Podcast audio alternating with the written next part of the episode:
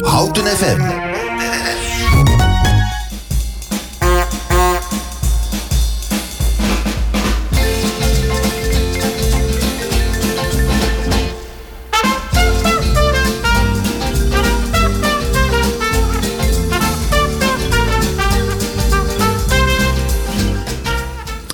Hele goede woensdagmorgen. Het is vandaag woensdag 22 maart 2023.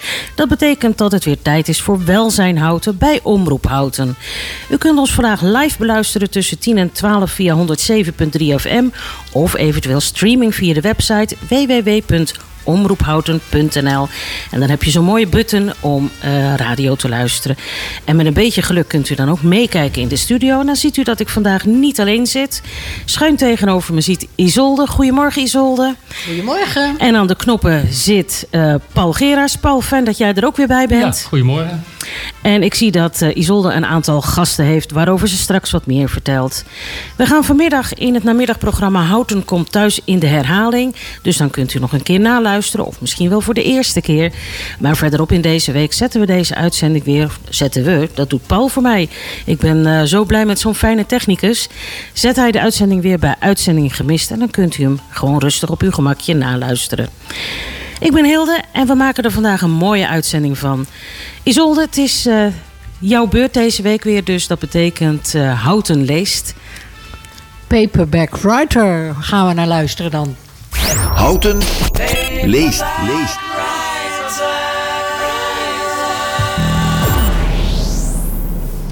Dankjewel Paul voor deze mooie intro die je weer op het goede moment uh, in de lucht gooide. En vandaag inderdaad weer uh, Houten leest. Eén keer per maand hebben we het met elkaar over boeken. Wat vinden we er leuk of interessant aan? En uh, dat is altijd heel veel over te vertellen over boeken. Ik ben Isolde Vega en vandaag uh, zitten naast mij twee gasten. Twee enthousiaste Houtense lezeressen die we al eerder in het programma hebben gehad. En die vertellen graag over boeken en over lezen. Marianne, wil je jezelf nog heel even kort introduceren? Uh, heel kort dan. Uh, ik ben Marianne Heidsma. En ik hou erg van lezen, met name van romans. Uh, en ook heel graag lees ik uh, Spaanstalige romans. Mm, voor mezelf. En omdat ik uh, die lees met mijn leerlingen die gevorderd Spaans leren en willen oefenen. Vandaag horen we daar ook wat over, hè? Daar komt straks, gaan we er verder over. Ja? ja? Dat was het? het? Ja. Oh, helemaal ik goed. woon in Houten. Ja, natuurlijk. Natuurlijk. Mario, jij bent hier ook voor de nou, derde keer, denk ik al. Ik dacht het wel, voor de, de, derde, derde keer. keer. Ook ik woon in Houten en ook ik houd heel erg uh, van lezen. En waarom houd ik van lezen? Omdat ik. Uh, het ontspant mij en het verplaatst mij uh, in een andere wereld. En ik houd van, daarom ook van romans lezen. Ja. ja. ja. Um, ik vraag altijd aan de, de gasten of ze een, een, muziekje willen voordragen. Wat ze heel graag willen horen in de uitzending. Marjan die heeft uh, verteld dat ze heel graag Ballada par een loco wilde horen. Ik spreek het vast niet helemaal correct uit, want ik zie je al kijken. Waarom wilde jij uh, deze uh, muziek horen? Uh, het, het, heet een ballade voor een uh, gekke man. En ja. het is geen muziekje, maar een echt uitgebreide ballade. Oh, waarin, je zo raar. waarin um, ja, bezongen wordt uh, hoe heerlijk het is om uit je eigen bedoeningje te stijgen. En iemand te hebben die je lief heeft en die je de wereld op een compleet andere manier laat zien. En ja, bij een andere gelegenheid zal ik daar misschien wat meer over vertellen. Maar je zweeft over de daken van Buenos Aires. En alle mensen van het gekke gesticht die zwaaien naar je. Want je, je, je zweeft daar met een rood ballonnetje, geloof ik. Of met een blauwe vleugels. Ik weet niet precies. Daarover gaat het. Nou, laten we gaan luisteren. Het is een tango. Ya sé que estoy piantao, piantao, piantao. ¿No ves que va la luna rodando por Callao? Y un corso de astronautas y niños con un vals me baila alrededor. Vení, volá, sentí, ya sé que estoy piantao, piantao, piantao. Yo miro a Buenos Aires del nido de un gorrión y a vos te vi tan triste, vení, volá, sentí el loco berretín que tengo para vos.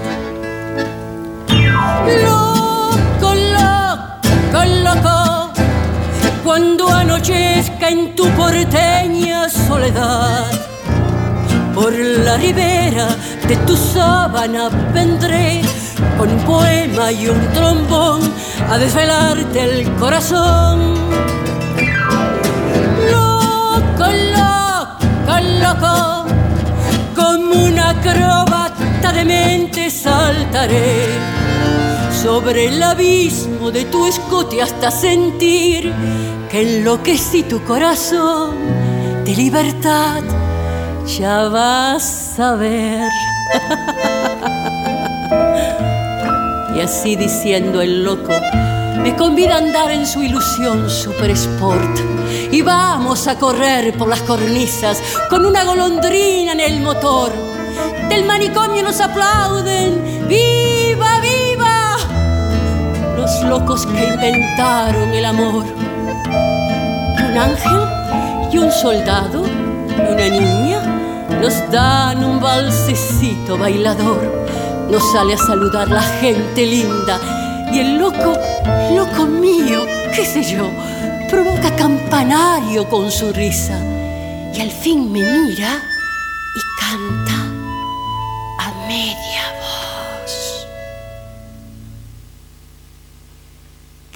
Quéreme así, piantao, piantao, piantao, trepate a esta ternura de locos que hay en mí. Ponete esta peluca de alondras y volá, volá conmigo ya. Vení, volá,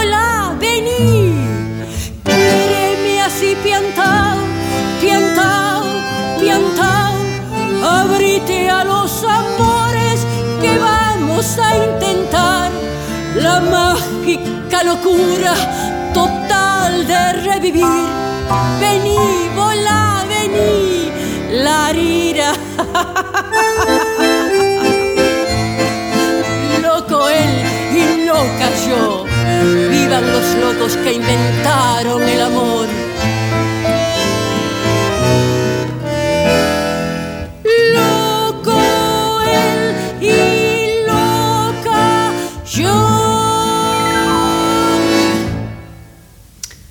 Wat een prachtig lied.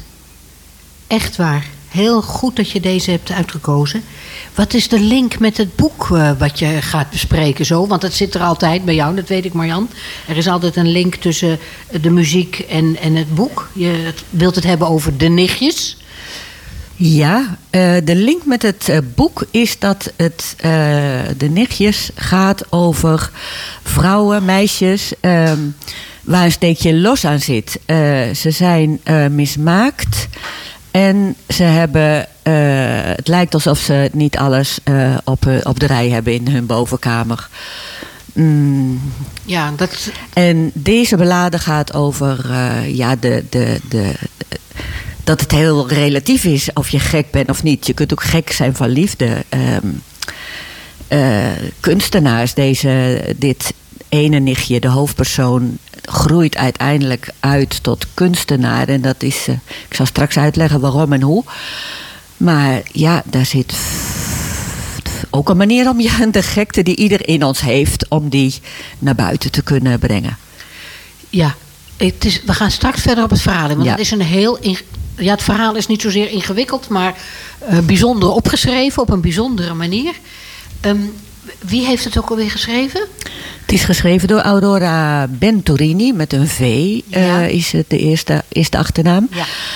En ehm, zij schreef het voor een eh, wedstrijd. Eh, ze won. De, was niet bekend bij de jury wie het had geschreven. Dus iedereen dacht, dit is zo bijzonder opgeschreven. Dit is een jonge experimentele vrouw die dit, een persoon die dit heeft geschreven. Toen maakten ze de envelop open met de persoonsgegevens en toen bleek het een dame van 84 te zijn. Die had heel haar leven geschreven, maar dat was niet zo naar buiten gekomen. En met deze roman werd ze plots bekend en beroemd. Heel Ja. beroemd is ze geworden met Ja. deze roman, hè? Ja. Ehm, wat voor persoon is zij?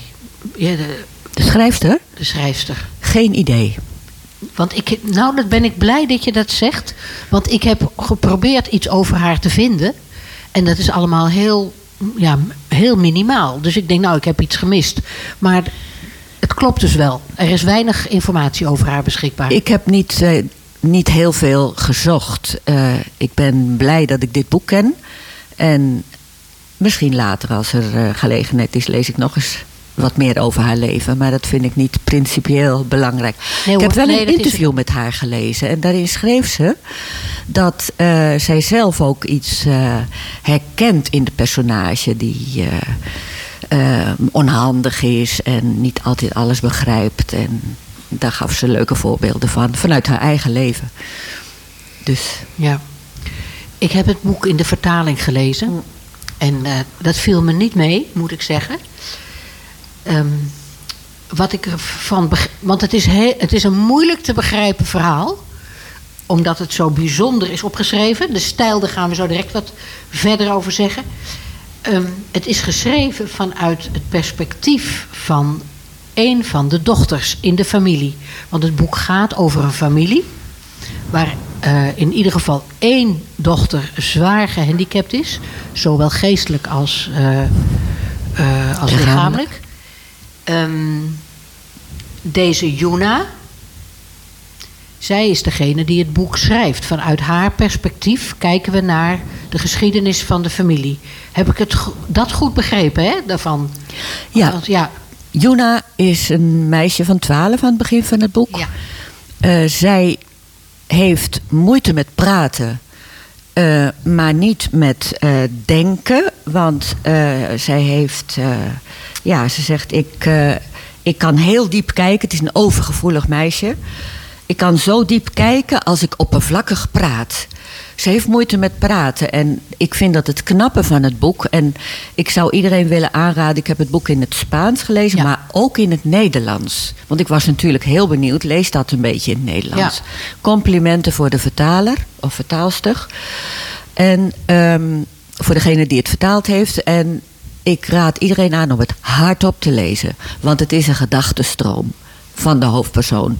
Ze praat, ze, ze praat, Ze schrijft zoals ze praat. ze schrijft zoals ze praat. En ze alles. En ze zet geen punten en komma's, want ze zegt als ik punten en komma's zeg, dan ben ik het kwijt wat ik wil zeggen. Dan praat ik niet meer. Ik wilde heel graag Ja. weten wie dan de vertaalster is. Want ik vind het ook belangrijk dat de naam van een vertaalster of vertaler genoemd wordt. Want ik Daar vind het altijd je- heel knap. Helemaal gelijk in. Ik ben aan het zoeken, want ik heb hem eh, digitaal gelezen. Geheel tegen mijn gewoonte. Maar daar komt hij. Ik heb mijn eh, e-reader erbij. Dit is de moderne tijd. Je kunt het allemaal vinden. Maar ik kom zo met de vertaler. Die zit. eh Dankjewel. Duurt Ja. even, duurt even voordat het boek opent. Ja. Ik. eh,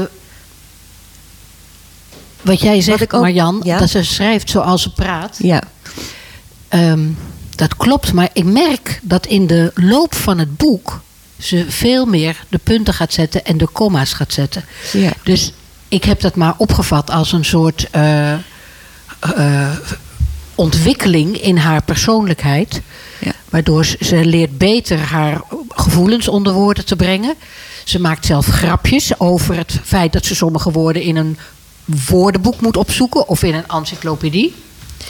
En ehm, het betekent ook dat je in de loop van het boek beter het verhaal snapt. Want in het begin dan tolt het gewoon. Dan denk je, waar gaat dit over? Nu ben ik bijna bij de vertaler. En dat is namelijk een beetje waarom we nu. eh,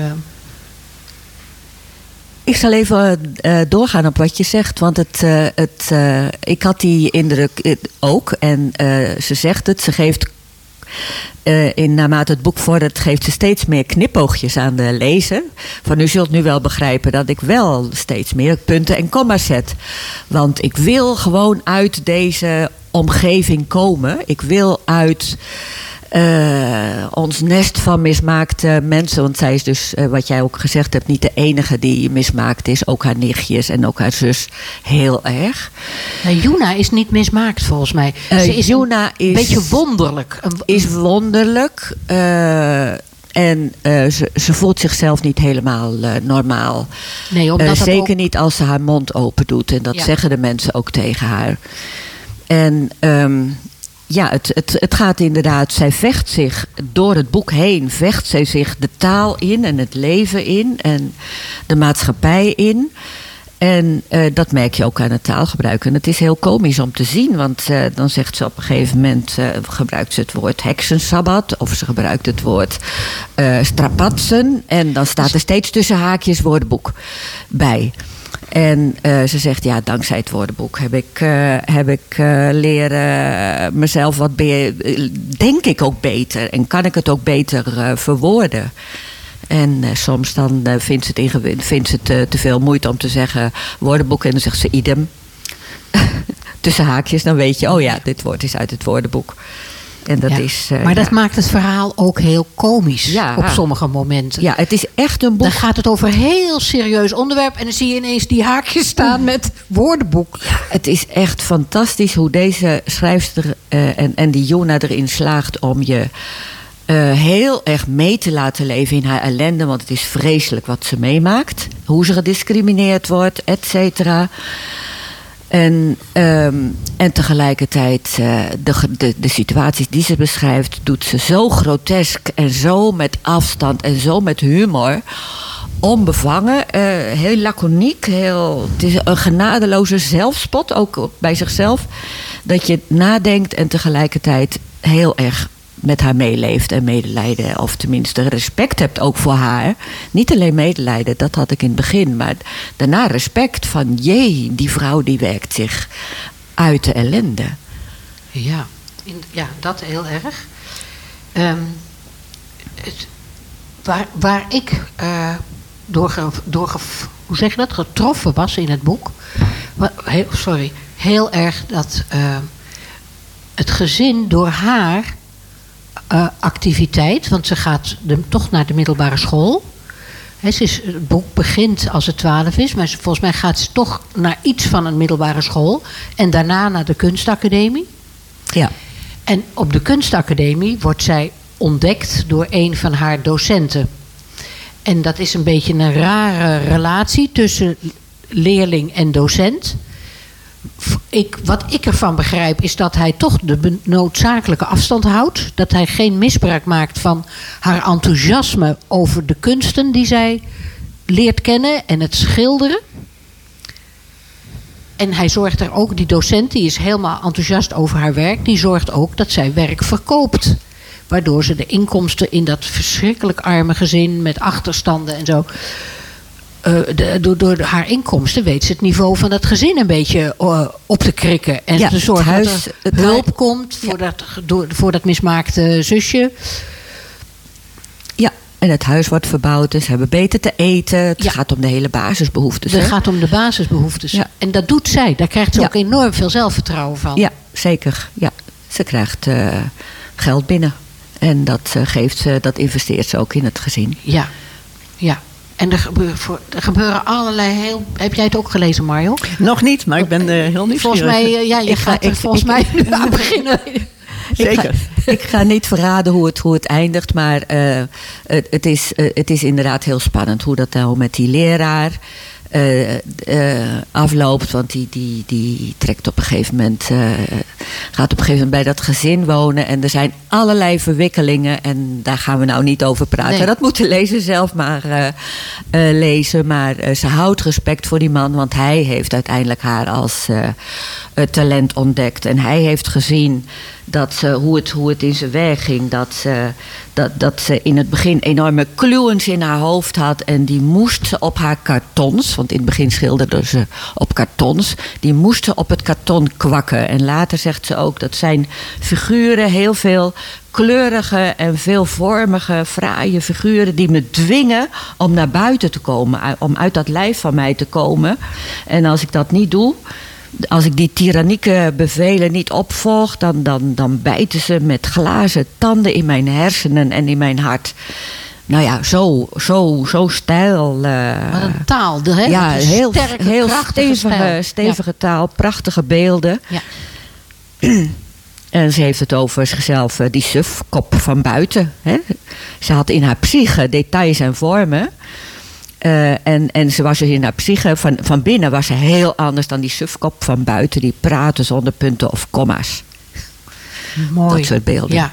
ja, dus ze leert ook meer dan in het begin van met afstand naar zichzelf te kijken. Zeker, ja. En haar, daar, dat zelfvertrouwen, dat is in het begin dus helemaal niks. In, als het boek begint, dan heeft ze, eh, zegt ze de raarste dingen over zichzelf. Dat je echt denkt, ja, meid, dat klopt niet. Want je bent in ieder geval auteur en je, je bent schrijver van dit boek. Dus ergens klopt er iets niet. Maar in de loop van het boek wordt dat, vind Ja. ik, zo knap dat je dat Ja. terug kunt lezen in het verhaal. Hoe Ja. zij zichzelf ontwikkelt. En, en de goede stappen zet in het leven. Ja. Ja. ja ik wil ook niet te veel verraden. Nee. Maar, eh, Over die wraak en zo hoeven, hoeven we we, gaan niet het niet hebben over wraak. Maar het is zeker een thema in het boek. Niet zozeer wraak van Juna. Maar het speelt in die familie een grote rol. ja, ja, ja. ja. Ook Een hele mooie tegenspeelster heeft ze in de vorm van een eh, meisje met dwerg. Een van haar nichtjes is een meisje met dwerggroei.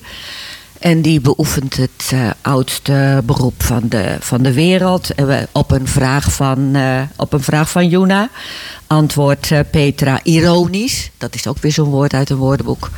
Het oudste beroep van de wereld beoefen ik. Ja, ja.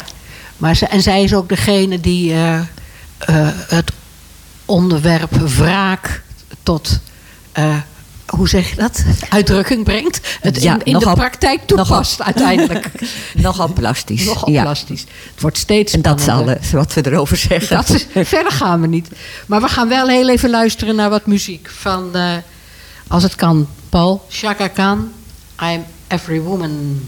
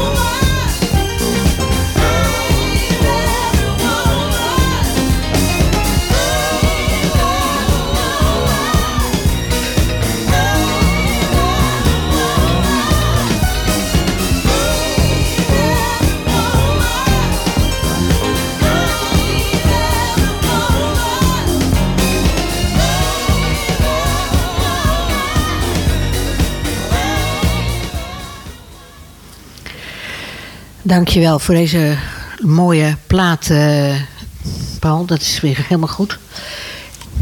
Ik hoop dat het opvalt dat we vanochtend eh, muziek draaien van sterke vrouwen. Die eh, nou, veel van zich laten horen en waar je vaak over leest in de kranten en die je vaak op televisie ziet. Dat is niet helemaal toevallig. Want het gaat vandaag over vrouwelijke auteurs. En we zitten hier met drie vrouwen om de tafel, vier, om ze te bespreken. Ik was u nog ehm, de naam van de vertaler schuldig. Aurora Venturini, De Nichtjes, is vertaald door Lisa Tunnissen. Eh, verschenen bij uitgeverij Podium in Amsterdam. En het, eh, we vinden het allemaal hier om de tafel een prachtige vertaling. Dus eh, Pas uitgekomen, dus je kunt het zo in de boekhandel gaan halen. ja, ja, en het is ook wel in de bibliotheek te krijgen, maar er waren niet zo heel veel exemplaren in de provincie Utrecht. Dat heb ik wel gezien. Dus het kost misschien wat tijd om hem aan te vragen. Maar wel, eh, wel beschikbaar in ieder geval. Ehm, we, gaan naar, eh, we gaan naar het boek van Mario overstappen. Ehm, Naar andere krachtige vrouwen. naar een andere krachtige vrouw. Ehm, eh, de heks, ja, ik zit gewoon in mijn voorbereiding te bladeren. Dat is natuurlijk een beetje dom, want ik had nu een, een dingetje verder moest ik zijn. Jij, jij hebt de heks van Limbricht gelezen voor Houten Leest. Ja. Van Suzanne Smit. Ja, Suzanne Smit. Ja. Het is een boek wat best in de belangstelling staat. Er wordt eh, op televisie over gesproken. Dus ik ben heel blij dat we het eh, hier in de eh, uitzending ook eh, over dit boek hebben. Eh, Wie, wie is Suzanne Smit en wie is de heks in het boek dat ze geschreven heeft? Eh, Suzanne Smit eh, is iemand die heel geïnteresseerd is in heksen. Heel veel onderzoek heeft gedaan naar eh, heksenvervolgingen. En jij stelde een keer de vraag, wat is een heks? En dat vond ik ook een hele moeilijke vraag. Suzanne Smit heeft daar boeken over geschreven. Voor mij bestaat een heks niet. maar in de 16e en 17e eeuw werden er vrouwen vervolgd... en kregen het stempel heks. Ja. En dat is natuurlijk ook wat er aan de hand is in de heks van Limbricht. Het is overigens een vrouw eh, die echt bestaan heeft. Eh, in de archieven van Sittard zijn eh, documenten gevonden.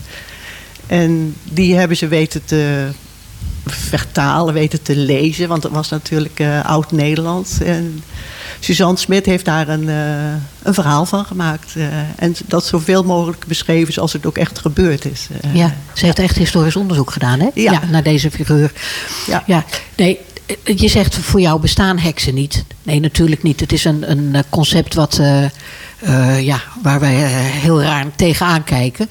Maar ik, zelf denk ik dat het in de tijd door autoriteiten of door de, de bevolking gebruikt werd om een vrouw en vaak ook mannen, heb ik, beg- begrijp ik de laatste tijd, eh, te betichten van Rare activiteiten. rare activiteiten. Als ze al raar waren. Hè? Ja, Dat is of van de oogst, de schuld geven van een mislukte oogst. Hè? Er Ja. moest iemand de schuld krijgen. Onze lieve heer was wat erg ver Ja. om de schuld van te geven, aan te geven. En dan pakte je maar die bijzondere mevrouw of meneer in het dorp of je stad Ja. om eh, te beschuldigen. Ja, dat mensen die anders waren. Eh, ik ga even naar het boek, De Heks van Limbricht. De heks van Limbricht, dat is eh, Engen eh, Luiten of Luten. Ze kwamen uit een ander dorp, uit eh Lutterade. Dus waarschijnlijk werd, werd het toen uitgesproken als Luten. En voor mij was zij een hele gewone, intelligente vrouw... die bijzonder geïnteresseerd was in de natuur...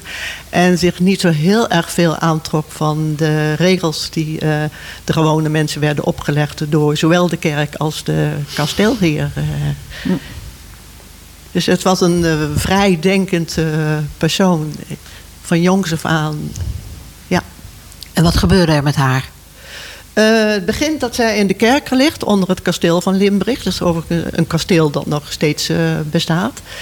En dan overdenkt zij haar eh, leven. Ze is in de kerker gegooid omdat ze verdacht wordt, eh, ehm, aangeklaagd wordt door boeren in de omgeving.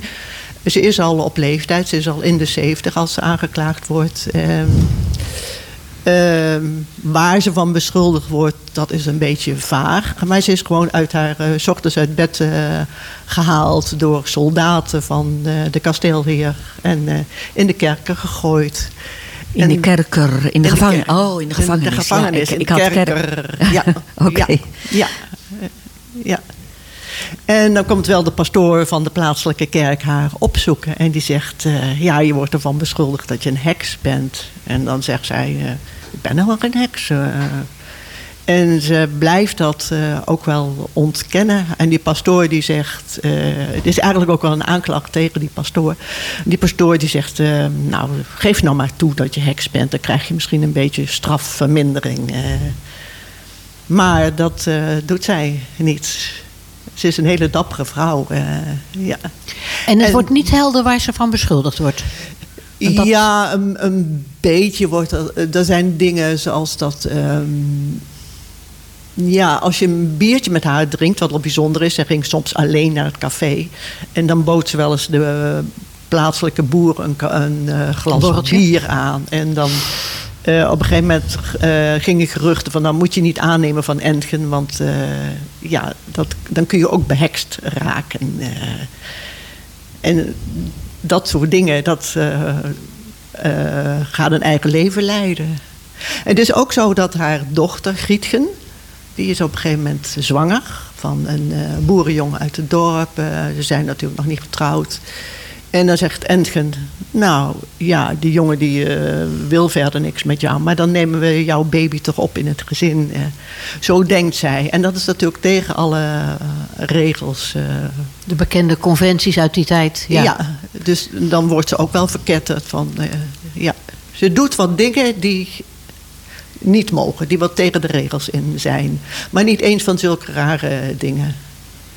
Nee. En ze is verder heel eh, vertrouwd met de natuur. Ze weet heel veel van kruiden. En dat maakt haar ook verdacht. eh, ja. Ze leidt een vrij zelfstandig, onafhankelijk eh, leven. Ze heeft weinig vrienden in het dorp. Ze staat een beetje buiten de gemeenschap. En hoe, hoe verdient zij de boterham? Is daar iets over bekend? Eh, zij is op een gegeven moment getrouwd met Jacob. Jacob heeft een boerderij en eh, nou, zij werkt als eh, boerin. Ze werkt er keihard mee. ja. Ze bemoeit zich ook al met dingen die met malle dingen. Als Jacob een, een koe gaat verkopen, dan denkt zij van nou Jacob, je kunt wel een beetje meer geld vragen voor die koe. En dan op een gegeven moment neemt zij dat onderhandelen over. En dat vindt Jacob prima, want die werkt liever op het land dan dat hij bezig is met dat soort zakelijke dingen. Maar zij heeft een scherpe tong, zij eh, En zakelijk inzicht, begrijp ik? zakelijk inzicht. Ja, Ja, leuk. Ja. Ja. En dat wordt goed beschreven door, eh, Ja. in het boek. ja. Ehm, eh, hoe gaat het verder?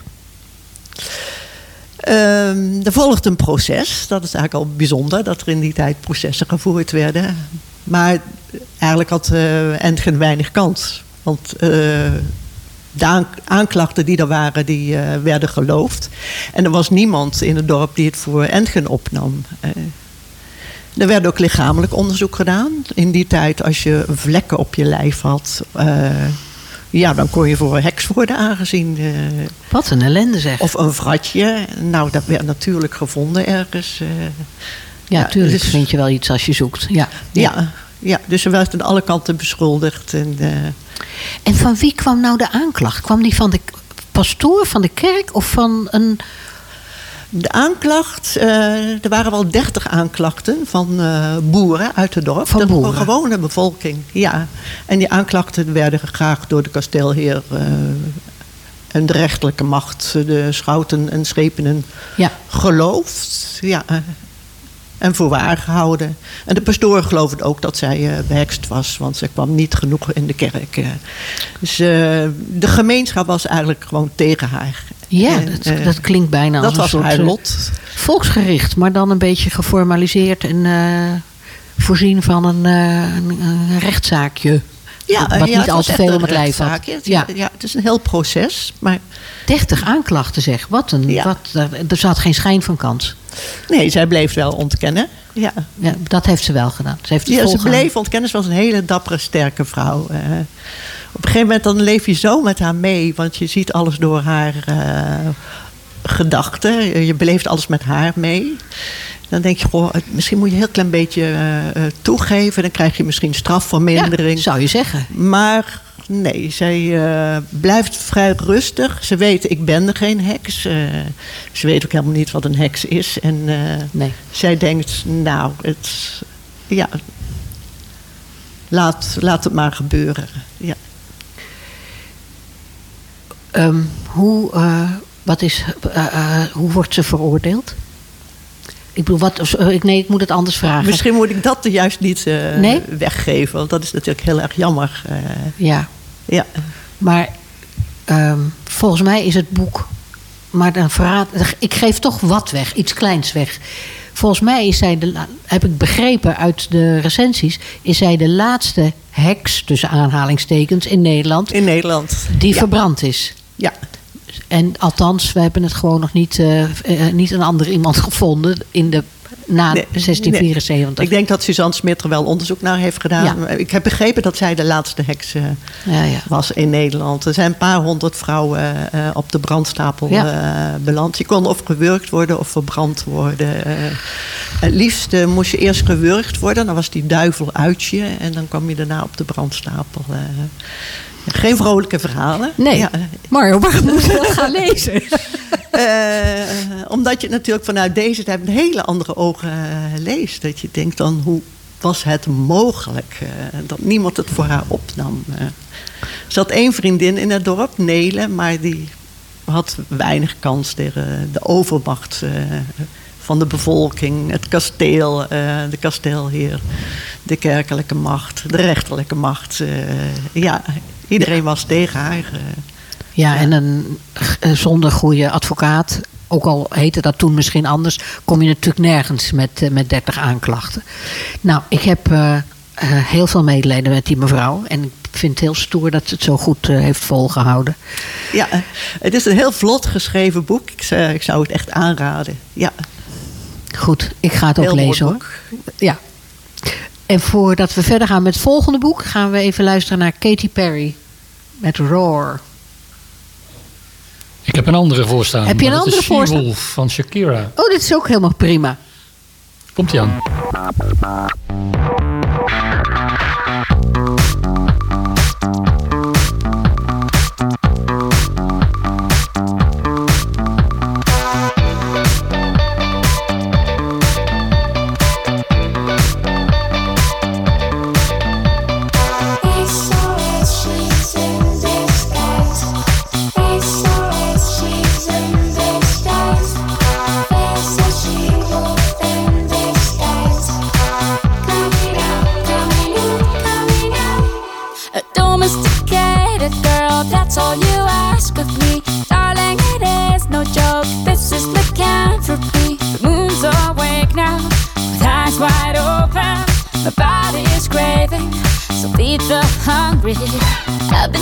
Myself to you Monday to Monday and Friday to Friday.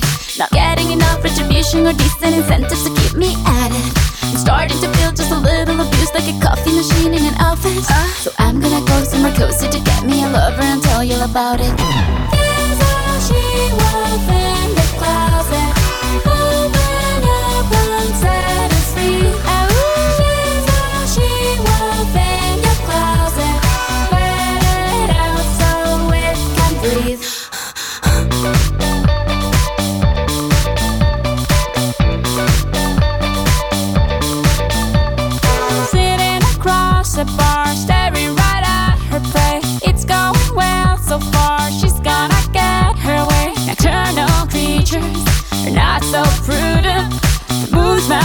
Teacher, and I'm her student.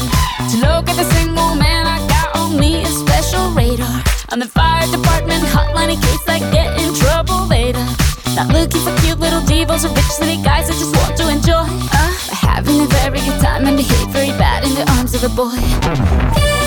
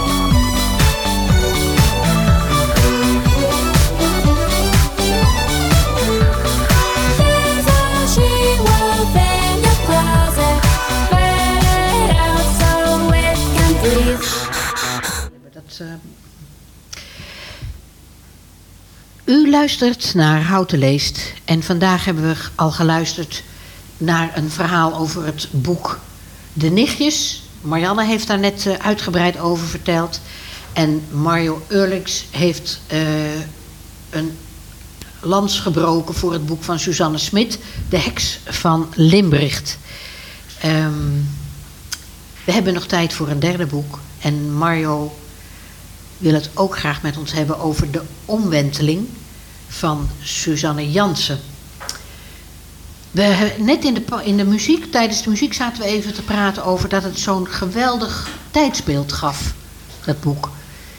Waarom wil, waarom wil jij het erover hebben? Is dat om die reden ook vooral? Of? Ja, het geeft een heel goed tijdsbeeld van de laatste honderd jaar uit het leven van een. eh, van de vrouw eigenlijk. Eh, het begint in 1922 en ehm, het gaat tot eh, deze tijd. Zeg, we zitten nu in 1923, maar meer dan 100 jaar. In 1922 werd eh, de moeder van Suzanne Jansen geboren. En in dat jaar kregen de vrouwen ook stemrecht. En daarom is het jaar 1922 ook wel belangrijk. Ja. Ja. En Hoe, dat begint inderdaad met eh, eh, de oma van eh, de schrijfster. Hè? Later, eh, merk, in- later in het verhaal krijg je door dat dat, dat, dat de persoon is eh, die haar oma zou moeten verbeelden. ja, de oma mocht toen voor het eerst gaan stemmen. Die mocht voor het eerst gaan stemmen in 1922. Ja. Dat, dat, En dat is ook het jaar dat eh, Betsy, de moeder van Suzanne Jansen, geboren ja, wordt. precies. Want oma Ja. gaat zwanger naar eh, het stemlokaal. En dat is heel mooi, want ze beschrijft eh, de situatie in Amsterdam.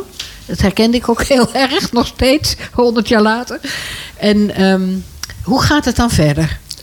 Ehm, nou, eh, Suzanne eh, Jansen die, eh, heeft het boek zo ingedeeld dat het leven van de moeder beschrijft. Maar tussendoor geeft ze heel veel historische informatie. Historische informatie die vaak niet in geschiedenisboeken stond, staat. die je wat verder moet zoeken. En dat vind ik een hele goede afwisseling. Tegelijkertijd vertelt ze bijvoorbeeld bij dat jaartal 1922 hoeveel strijd het wel heeft gekost voordat de vrouwen eindelijk stemrecht eh, kregen. En dat mannen daarover gingen, dat vrouwen daar helemaal niet over meedachten. Nee. En dat vindt die oma dus ook heel eh, bijzonder. eh, Ja, en ik vond dat schokkend om te lezen. Honderd jaar later dacht ik, wat waren we met elkaar ontzettend... Ja, nou, het woord achterlijk is misschien een beetje heel heftig, maar... Wat waren we dom bezig met elkaar Ja. in die tijd? Ja. De hele gedachtegang over, nou ja, over, Over vrouwen. vrouwen, hè? Het, Ja. was, het is verschrikkelijk gewoon. Ik vond eh, nog veel meer dingen heel erg eh, Ja. schokkend. Ja. Ja. Dat vrouwen 19 niet mochten werken in die tijd. Dat er een vrouwenquota door de PTT, de toenmalige post, hè, de PTT heette dat. eh, vrouwenquota werden ingesteld. Mocht één vrouw op vijf mannen werken. Ja. Ja, vrouwen werden on- ongeveer verboden om te werken. werd in ieder geval heel erg tegengewerkt. Ja. eh. Nou, de gehuurde vrouw was natuurlijk al helemaal... eh, die hoorde thuis achter het aanrecht. Ja, en dat maar heeft ook, ook de tot, ongehuurde eh, vrouw kwam dus gewoon ontzettend moeilijk aan het werk. Omdat die, dat quotum er was. Ja, ja, het was, ja, en dat werd eigenlijk nog steeds erger. Behalve ja. in de oorlogstijd, want toen waren de vrouwen wel nodig. eh. Ja, tuurlijk. Ja, toen, werd het, ja. eh, toen werd er ineens een, eh, een blik vrouwen opgetrokken. Ja. En die moeder van Suzanne Jansen, die was iemand die na de MULO ging werken en daar vreselijk veel plezier aan beleefde. Dat was haar leven. Op allerlei kantoren in Amsterdam werkte, werken. En het ging ook van het ene kantoor naar het andere, want dat was een soort promotie. ja. Ja. Alleen op de dag dat ze trouwde, eh, moest ze natuurlijk stoppen. En toen zat ze thuis en kreeg kinderen en eh, dat leven. maar ze vond steeds, ze verweet zich ook zelf van ik moet tevreden zijn. Maar ja, ze had het eigenlijk wel anders gewild in haar leven. Ja, want ze was qua opleiding volledig gelijk aan haar echtgenoot, aan haar man. Ja, ja. Ik ben even nu zijn voornaam kwijt, maar Jacob. eh, Jacob, Jacob. ja. En eh, ze had ook eh, ze had gewoon heel go- goed werk. Ze had ook promotie gemaakt in de acht jaar dat ze gewerkt heeft voor Ja. haar huwelijk. Ja. Had ze ook echt diploma's gehaald. Eh, nou, Ja. een vreselijke Tweede Wereldoorlog doorgekomen. Ja. Hè? En promotie gemaakt daarna. En toch moest ze het werk neerleggen, verplicht. Ja, Ja. ja. En toen heeft ze natuurlijk, toen heeft ze vier, vijf kinderen gekregen. Suzanne was een nakomertje. Ja. En op een gegeven moment heeft ze toch ontdekt eh, dat er ook andere dingen zijn. Ze is op een gegeven moment in een bibliotheek eh, als vrijwilligster Ja, begonnen. dat sprak Heel- mij enorm aan natuurlijk. ja, en dat ging heel. eh, ja, daar moest ze echt stappen voor zetten om dat te doen. Ja. Want ja, je moest eigenlijk thuis zijn voor je kinderen. Ja. Ja, dat was vrijwilligerswerk hè, in de Het bibliotheek. Dus Ja. dat was Ja. geen betaald werk. Dat eh, werd er En voor natuurlijk... haar was het ook geweldig, vond ik ook zo leuk, dat op een gegeven moment eh, de avondscholen overdag eh, les gingen geven. De MAVO, HAVO, VWO's. En dat zij VWO Frans ging doen. En dat ze daar zo van genoot. en, maar dan zijn we al in de jaren 60, 70 eh, ja, aangekomen. ja. Toen was al wat ouder. En tussendoor geeft Suzanne Jansen informatie dan ook over eh, historische dingen. Dat vrouwen tot 1956 handelingsonbekwaam waren. Vreselijk. Je mocht als vrouw geen eigen bankrekening hebben. Je moest alles eh, met je man overleggen. Stel dat jij een nieuwe jurk eh, wilde kopen. Dat mocht En hij vond het niet goed, dan eh, moest nou, je... haar eh, man eh, was niet zo. Dat was eh, best een hele lieve man. En die hielp zelfs in het huis, eh, hui- hu- huishouden van de familie Jansen. Dus ze had het allemaal niet zo slecht. Het kon misschien wel slechter. Maar ja. Ja. Nou ja, en dat ging dan ook nog samen met een stevige woningnood, hè, vlak na de oorlog. Eh, Ja. Een gezin van vier kinderen. Ze al woonde uiteindelijk aanvankelijk op zolder. op eh, zolder in bij iemand. En pas veel later eh, een woning in Amsterdam-Noord gekregen. Ja, ja, een van de tuindorpen. Ja. Ja. Ja. Herkenden jullie, Marjan en jij, herkennen jullie iets, iets uit je persoonlijke geschiedenis daarvan? Bijvoorbeeld dat eh, je nog tot 56 handelingsonbekwaam was. Dat herken ik. Mijn moeder was daar eh, nog altijd boos over. Dat ze de eerste jaren van haar huwelijk. eh, ehm, nou ja, mijn vader, ik had een hele leuke vader, dus het was eigenlijk geen probleem. Maar dat het formeel zo beroerd geregeld was voor vrouwen in Nederland. Nou, wat, wat ik, ik eigenlijk herkende is, ehm, dat raakte me ook heel erg, dat eh, zij op een gegeven moment last had van eh, de huisvrouwenvermoeidheid. Eh, en dat was een woord dat de Telegraaf toen heeft uitgevonden. En dat zij naar een zorgcentrum, katholiek zorgcentrum in Zeist ging. Ja. En dat er helemaal niet begrepen werd wat er met haar aan de hand was. Ze was wel moe. Oké, iedere huisvrouw was denk ik eh, moe. eh, want je had weinig apparaten en zo. Maar er werd ook niet gesproken met wat eh, haar behoeften waren. Dus ze ging Nee. zes weken naar een zorgcentrum in Zeist. En Met de beste bedoelingen, hè? Met de beste bedoelingen. Moeder moest weer op de been gebracht worden. ja, ze mocht En, uitrusten. Maar ze had uitrusten. behoefte aan... ze had ook geen behoefte aan domme spelletjes die er ook wel gedaan werden. Ze had Nee. ook behoefte aan lezen of andere dingen doen. Mm. En misschien wat ze zich niet zo bewust was, maar ze had graag willen werken.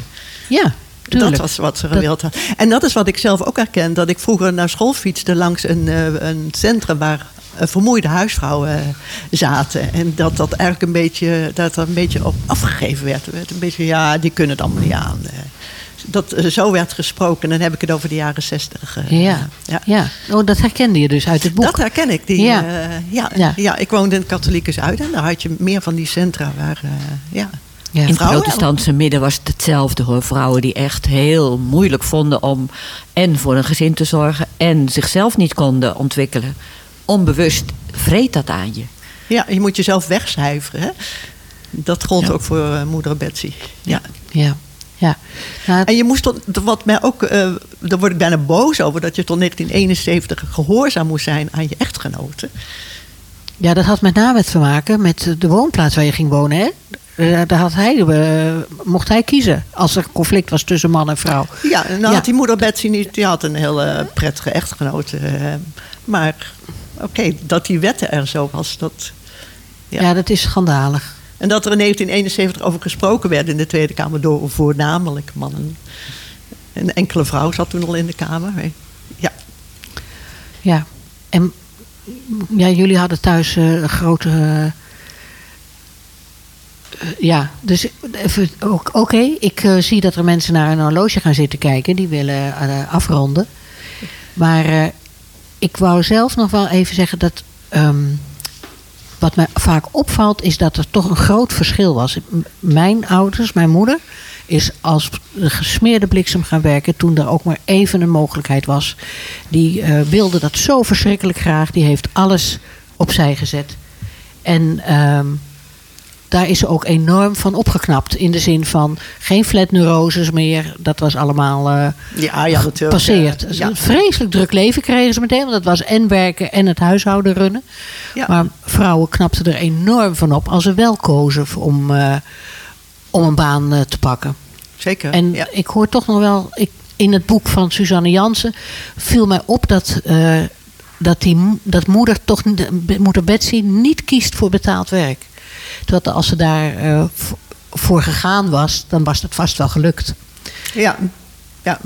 Ze liet zich toch een beetje door de normen van, het, eh, van haar omgeving eh, in dat huishouden bestaan vastzitten. Ja, ze durfde wel in 1981 eh, een witte vlag uit te hangen. Toen Ja, had ze zich dat bekeerd tot de vrouwenbeweging. Ja. Dat vond ik wel. Ja.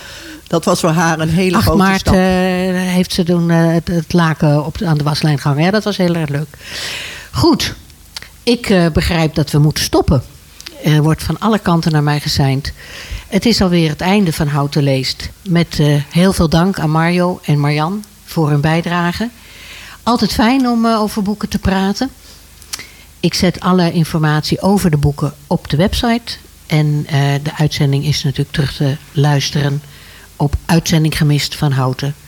Hilde, ik denk dat jij nog even de laatste woorden... Ja, ja, het is jammer dat we aan het einde zijn gekomen van het eerste uur. Want jullie eh, hadden volgens mij nog wel een uur vol kunnen praten. Maar helaas, ja, de klokje van gehoorzaamheid eh, tikt hard. Ehm, blijf vooral luisteren, want na eh, de boodschappen en het nieuws gaan we verder met de Week van het Geld en allerhande minima-regelingen. Belangrijke onderwerpen. We gaan er volgens mij uit met de laatste muziek die op jouw lijstje stond. A New Day van Anouk. Tot straks aan de andere kant van de boodschappen. We come out when the world's at rest. It's all good as we lay down